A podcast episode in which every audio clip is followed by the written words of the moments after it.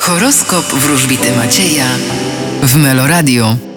Baran, Uważajcie na nieuczciwych ludzi, którzy są wokół was. byk, Będziecie czarować otoczenia. bliźnięta, Możecie spodziewać się ruchu, przemieszczeń i podróży. rak, Uważajcie na nieprawdziwe informacje, w które możecie uwierzyć. lew, Będziecie cieszyć się z tego, co materialne. panna, Zaufajcie przede wszystkim sobie. waga, Świat leży u waszych stóp. skorpion, Zrezygnujecie z czegoś i zmienicie kierunek swojego życia. strzelec, Wy również pójdziecie przed siebie. koziorożec, Los zakończy za was pewne wydarzenia, ale to, co ma być zakończone, zostanie zakończone. wodnik, Spodziewacie się ważnych wiadomości, ryby. a wy będziecie lepszymi fachowcami i specjalistami.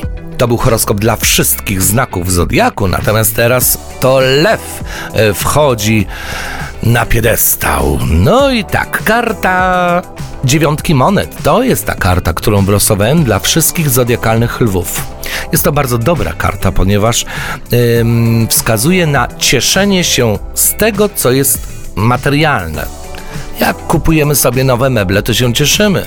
Jak kupujemy nowe mieszkanie, to świętujemy.